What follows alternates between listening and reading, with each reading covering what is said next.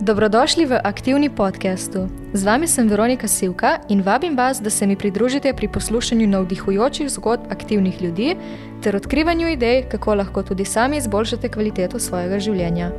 Gosti v naših epizodah delijo svoje izkušnje in lastno mnenje, kar pa ni nadomestilo za nasvete strokovnjakov. Danes je z nami Ana Debelc Prašnikar, zdravnica in specialistka interne medicine ki že vrsto let raziskuje načine, s katerimi lahko podaljšamo mladostno delovanje našega telesa. Na svete za ohranjanje vitalnosti deli tudi na svojem Instagram profilu. Ana, dobrodošla. Živijo. Uh, za začetek te bom vprašala, kot vse naše goste, kako si danes pričela svoj dan. Jaz, vam, jaz imam vse tako organizirano, meni je vse v enih takih rutinah, tako da ustala sem ob pet nič, nič uh -huh. uh, potem gremo v kopalnico, naredim njegov obraza, uh, potem dam SPF kremo gor vsak dan, tudi če je megla, pa če je zima. Uh, in ta SPF krema naj bi počivala na obrazu vsaj ne 8-10 minut, da se zaščitni filter naredi. Tako da jaz v tistem času grem pa v spodnje nadstropje v kuhinjo in začnem delati te moje zdravilne napitke zase pa za Damjana, in ko to naredim, grem make-up narediti. In se pa počasi odpravim doma, tako da kar ena ura mine, preden grem jaz od doma. Ampak to mi da en tak dušen mir, pa vem, da, da gre po enih tirih vse. Uh, ja, potem si dejansko malo bolj tak jutranji človek. ja, sem. Ja. Rana ura, zlata ura, tega se ful držim. Odvedno?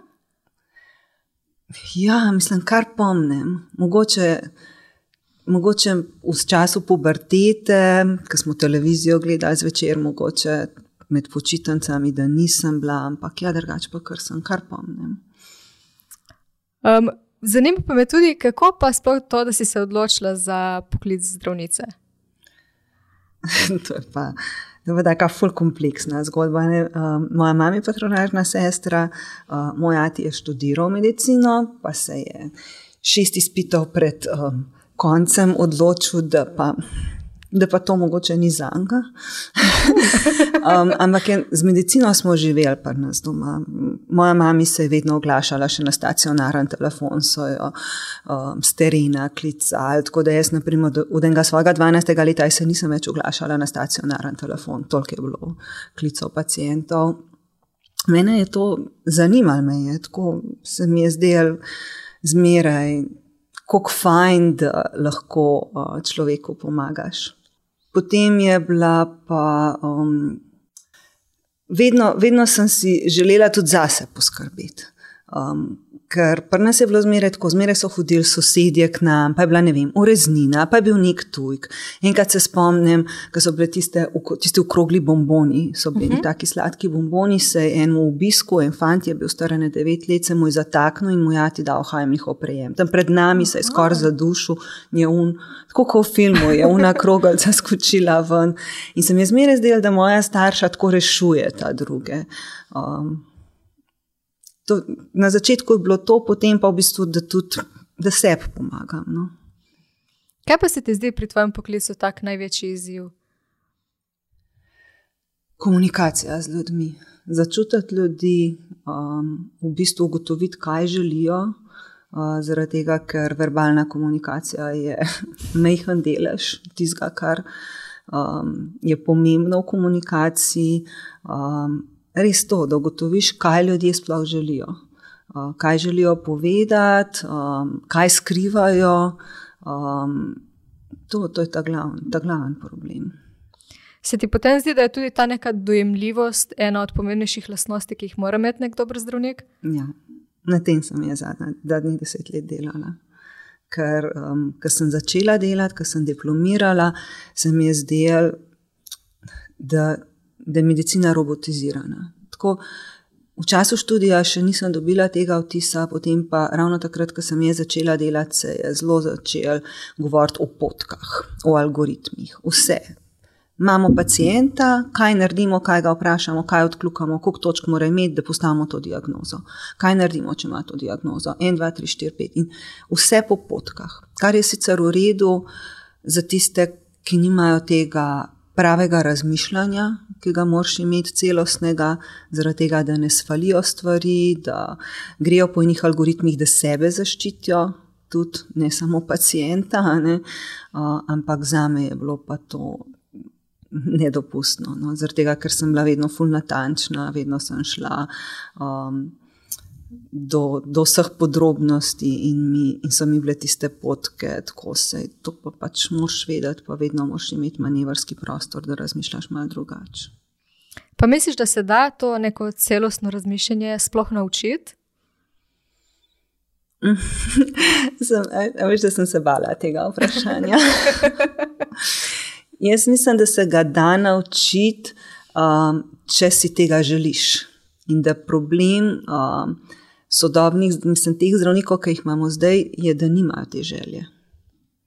Um, in da niti nimajo manevrskega prostora, da bi, da bi si lahko prvoščali se to učiti. Um, to, to je problem.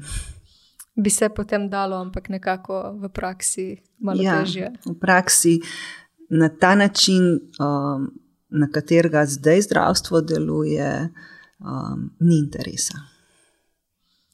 No, sama se pa ukvarjaš veliko tudi z anti-agingom oziroma z nekim ohranjanjem vitalnosti telesa. Uh, kako pa to, da se je sploh v tebi vzbudilo zanimanje za to področje? Um, to, pa, to pa ne zaradi sebe. No? To pa res ne zaradi sebe, zato ker tako kot ostali mladi ljudje, jaz nisem razmišljala o staranju, ne bi razmišljala o staranju. Um, ampak, ko se odločaš za interno medicino, se odločaš dejansko zelo za geriatrijo, se pravi, to je za uh, medicino, ki se ukvarja s starostjo, ne, z boleznimi staranja. Uh, ker večina populacije je pač starostnikov na interni medicini.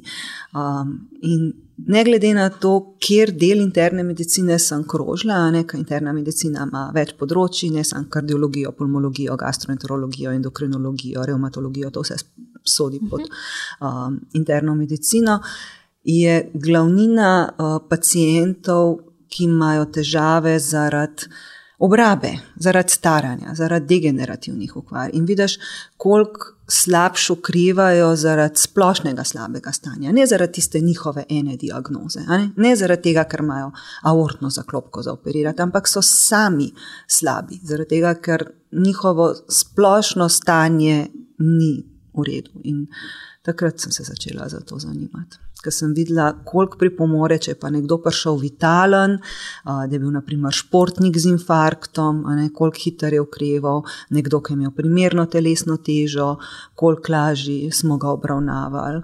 Um, to, da ja. sem imela stik.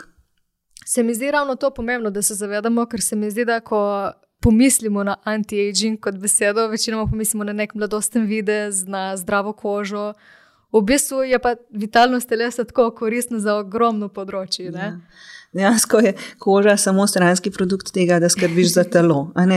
Meni je hobi um, uporabljati vse te kremice, pa kozmetika mi je nekaj tak in tak. Čudovit ženski svet, bom rekla, um, maziljenje, njega, um, cartanje, ampak V prvi vrsti je pa skrb za to, kaj daš vase, v smislu hrane, pijače, da se izogibaš strupom, kot je kajenje, alkohol. Alkohol je strup, mislim, to je definicija. Um, pa da se gibaš na način, da ohraniš uh, mišično maso, kostno gostoto. Ne? Nihče ne razmišlja pri 30-ih, da zato hodi v fitness, da ne bo imel osteoporoze. Če pa delaš na interni medicini, pa vidiš, da večina ljudi, ki dočaka 85 in več let, ne umre zaradi neke bolezni, ampak jih ogromno umre zaradi zloma kolkov. Zato, ker so prešvoh in padejo. In vidiš, naprimer, tam eno gospo, ki nima nobene srčne bolezni, nobenega zdravila, sama je skrbela za sebe, sama kuhala, stara 94, zlom kolk, umre. Noben ne razmišlja o osteoporozi. Ampak ja. Ja, to je res. Mogoče se niti pri nekih mlajših letih ne zavedamo. Ja, ampak dejstvo je, da do 30 let dosežemo optimalno, mislim, maksimalno kostno gostoto in potem sam še pada. In to, kar delaš od 10 do 30 let, je tisto, kar te bo določalo pa 80. Je Tako torej v bistvu pomembno že od otroštva? Anti-age je pomemben vsaj od 15-20 let že. No, um, ko napišem v neki skalnik um, anti-age, mi večinoma kot neke zadetke vržemo ven razne kreme, razne izdelke, ki delujejo pomlevalno na kožo.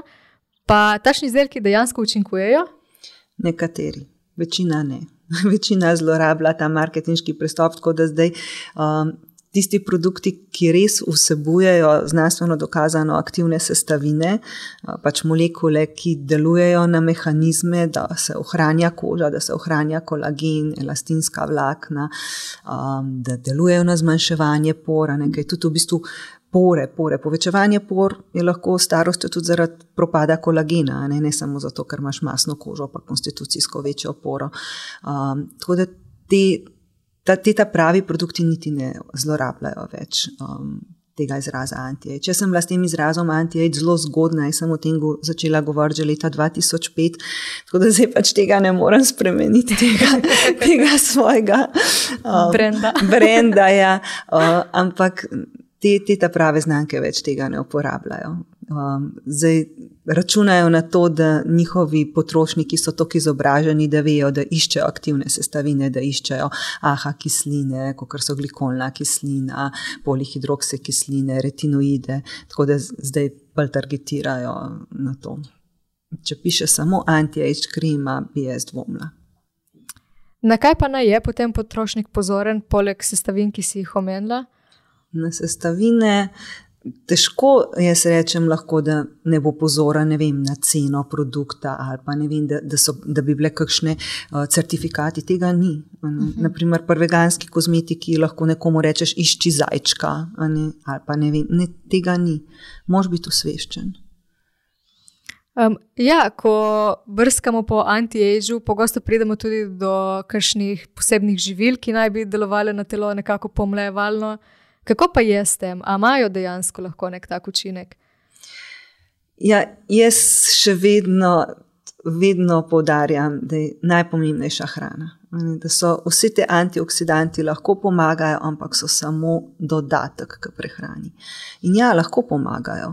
Kurkumin ima študije, da deluje protivnetno. Jaz ne samo, da je teh študij predvsej, um, ampak imam tudi pacijente iz ambulante, imam klinične primere, ki govorijo o tem, da so kurkumin začeli imati, pa so ledvine bolečine izvenile pri starejših okay. ljudeh, ne se pravi te degenerativne uh, bolečine, bolečine v kolenih. Tako da, ja, to ima vsekakor vpliv. So določeni ti močni antioksidanti, ki delujejo na vnetje, ker največji del staranja je to, da se unitje povečuje, ker naš sistem enostavno ne uspe več popravljati vseh poškodb, ki se kopičijo. Um, tako da je ogromno teh. Um, Rečemo molekul, uh, ki lahko pomagajo um, moderirati biološke procese. Kateri pa so to, poleg kurkumina? Jaz, za me je pač tako rečem, prehranska dopolnila, ki niso za anti-age kot sam, ampak za eno tako splošno zdravje in jih vedno dam vsem pacijentom in jih vedno podarjam, so pač vitamin D, ki ni vitamin, ampak je hormon, kemična sestava je. Steroidni hormon, um, ki ga imamo mi pomankanje zaradi našega življenjskega sloga. Ne, če bi vi, mi živeli na področju, odkudar smo prišli, iz centralne Afrike, tam, ko so začeli um, te laboratorijske teste izvajati, so tam šli po normalu. In tam ga imajo tam 50 nanogramov na mililiter. Ne, pri nas ga imamo pa od 10 do 20. Tako da vitamin D, jaz vsem rečem, zaradi tega, ker deluje na tok procesov, prav na, na gene deluje. Um, potem um, magnezija imamo premalo, spet zaradi življenjskega sloga, um, potem uh, C-vitamin, spet zaradi obremenitev, pa tudi um, človek je eno redkih biti, ki sam ne sintetizira C-vitamina, koze, mačke, to vse sintetizirajo svoj C-vitamin. Uh, omega 3, um, ki deluje protivnetno, spet to je naša prehrana, da imamo omega 3. Um, V našem telesu znižen, v primerjavi s tem, kako bi ga imeli, če bi se drugače hranili. Eh, kaj pa, če si želimo, recimo, imeti neke prehranske dodatke, na kaj je dobro, da smo pozorni, ker verjetno tudi tukaj vsi izdelki niso enako kakovostni? Um, prvič to, da je GMP certifikat. Ne, ali pa da, ma, da, da je zaupanja vredno podjetje, za katerega se ve, da uporablja uh, sestavine, uh, ki so preverjene. Uh, zdaj, podjetja ponavadi nočejo uh, posredovati certifikatov, ne, ker ko um, podjetja nakupijo surovine, za vsako surovino dobijo certifikat. Že. Ne, če bi tako bilo, potem ne bi bilo treba nekih sto preverjanj. Potem, da ne nakupujejo z neuglednih strani na Amazonu, ne bi bilo zelo veliko ponarejenih dopolnil, se pravi, je škatla od nekega podjetja, pa noter ni tisto, kar ne, pač ponaredki so. Um, jaz to svetujem. No. Težko je na tem tržišču, zato ker ni pod nadzorom tega. Jaz imam prednost zaradi tega, ker testiram stvari, testiram jih laboratorijsko, imam dostop do certifikatov, meni podjetja posredujejo certifikate, če jih želim. Pri vitaminih na sebi testiram, jemljem, gledam laboratorijske kontrole, pri pacijentih vidim, če jemljajo določena dopolnila, pa v laboratorijskih izvidih ni porasta potem tistih. Um, tistih vitaminov. Tako da jaz se zavedam, da so v prednosti, ampak za ostale ljudi pa je, ja, težko je. Pač res je fajn, da kupujejo um, certifikati, um, da imajo potrdila. Um, Teh neodvisnih um, inštitutov, ki jim pridejo preverjati, ugledne znamke. Kaj pa se ti zdi, da je neka največja napaka, ki jo ljudje delajo pri ohranjanju vitalnosti? Največja napaka. Teh napak je veliko. Če že. Če že uh, zdaj, vprašanje je tako formirano, da jaz najprej pomislim na to, da sploh ne razmišljajo. Aha, da sploh okay. ne razmišljajo o sebi. Uh, največkrat je tako, da uh, se ljudje sploh ne čutijo. Vejo, da morajo na servis avto pelati, vejo, da morajo mogoče na servis avto pelati tudi dvakrat na let, zase pa mislijo, da ta avto bo kar pelo. Tako da to mislim, da je največja napaka, da sploh ne razmišljajo o vitalnosti na tak način. Če pa uh, glede tega, kako ohranjati vitalnost, je pa gibanje. Povsod se pokaže, da gibanje je tisto, kar je najbolj pomembno. Kakšno gibanje pa osebno svetuješ? Zdaj, v smernicah vseh teh kardioloških združenj je naprimer 150 do 180 minut aerobne vadbe na teden, ne razdeljenih na dve do tri seanse. To naredi že zelo velik, naredi velik za um, ohranjanje živčevja, za, um, za preživljenost, za dobro prekrljenost, um, za metabolizem, ampak uh, mi vemo, da je v staranju za, na stara leta problem uh, izguba mišične mase. Uh, mi poprečno izgubimo od 25 do 50 let 10% mišične mase, kar je tam kar nekaj kilogramov, ne, od 50 do 80 let pa še dodatnih 30%. Um, tako da temu se reče sarkopenija, pomankanje mišične mase na stara leta in ta je največji problem, ker mišica je naš največji organ, prav metabolni organ. Um, in zato se zadnje čase, več let zdaj že govori, da, nujno, da so nujni treningi za obremenitvijo, ne, s težo, um, z otežmi, z lastno težo, delati na mišicah. Um, Kdaj pa bi recimo priporočila, da se neka oseba začne posluževati tašnih vadb? Um, zdaj, um, jaz za, za otroke, pa za mladostnike, nič ne vem. Ne? Tako da jaz, kar se tiče otrok in mladostnikov, uh, poslušam naše trenerje, ampak sama bi rekla, da takrat, ko se zaprejo ti uh, rasni stiki. Uh, dosti je o tem govora, no, da bi počakali, da se rasni stiki um, zaprejo. Uh, se pravi, pri uh, dekletih je to, ko pride prva menstruacija, takrat nehamo rast, um, pri fantih je pa tam med 16 in 18 letom se zaprejo rasni stiki.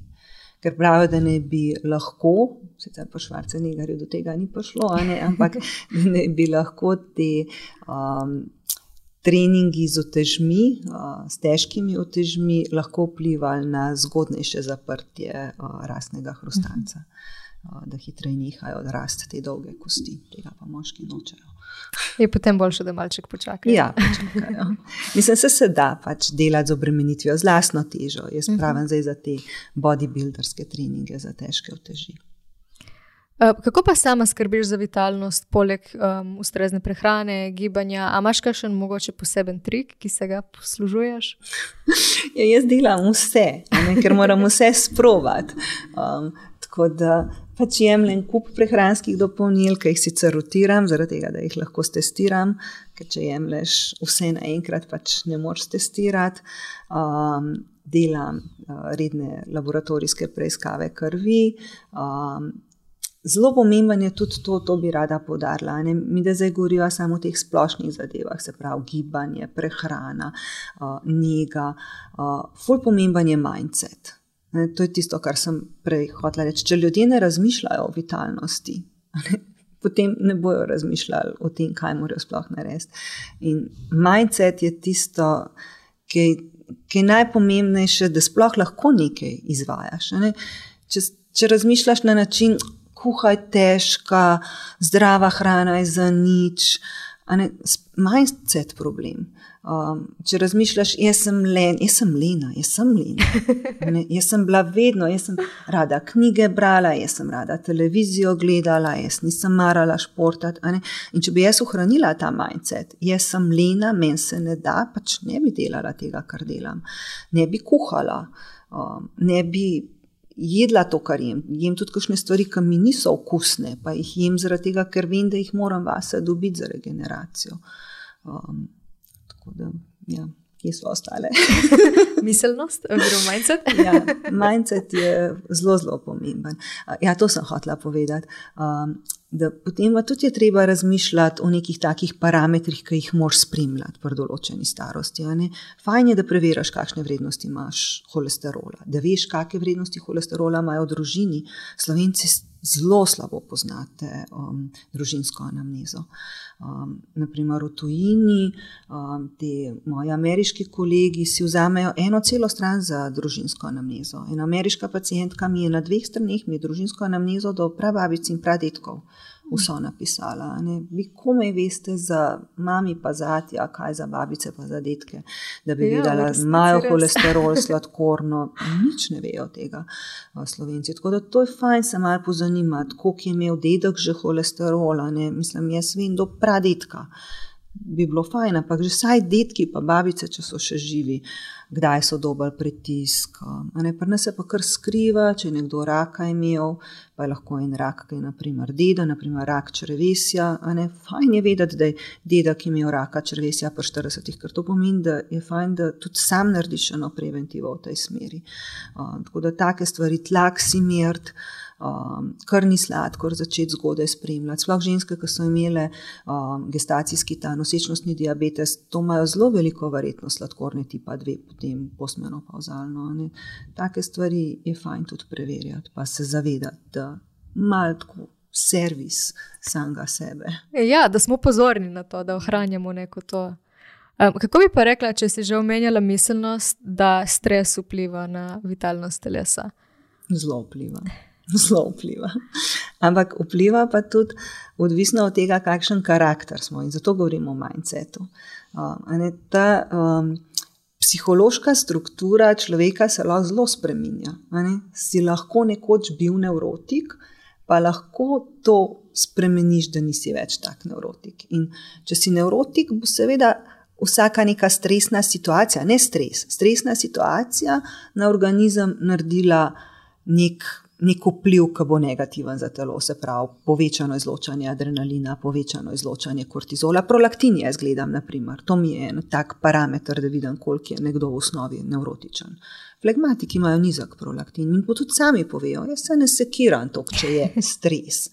Ne, tisti, ki imajo prolaktin zelo visok, jaz že vem, lahko so nasprot mene tako zelo mirni, pa organizirani, pa delujejo strukturirani, ampak vem, da ne, da oni kaj, nek tak dogodek bojo reagirali škodljivo zase.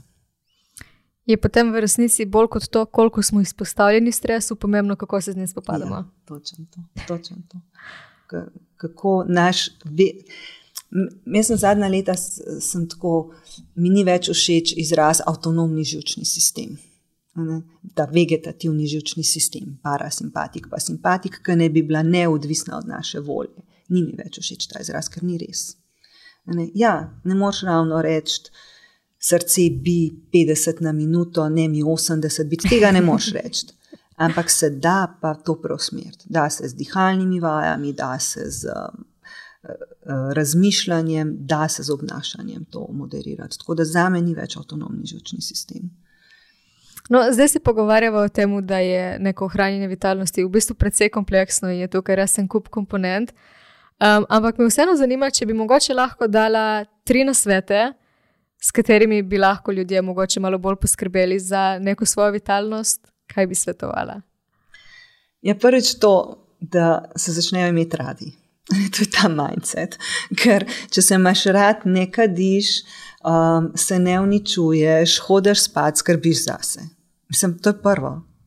Um, iz tega potem sledi vse ostalo. Pač gibanje, če ne gibate, začnite gibati. Um, kar se pa tiče zdrave prehrane, pa tako. Niso še ugotovili, kaj bi bila res zdrava prehrana za vse ljudi.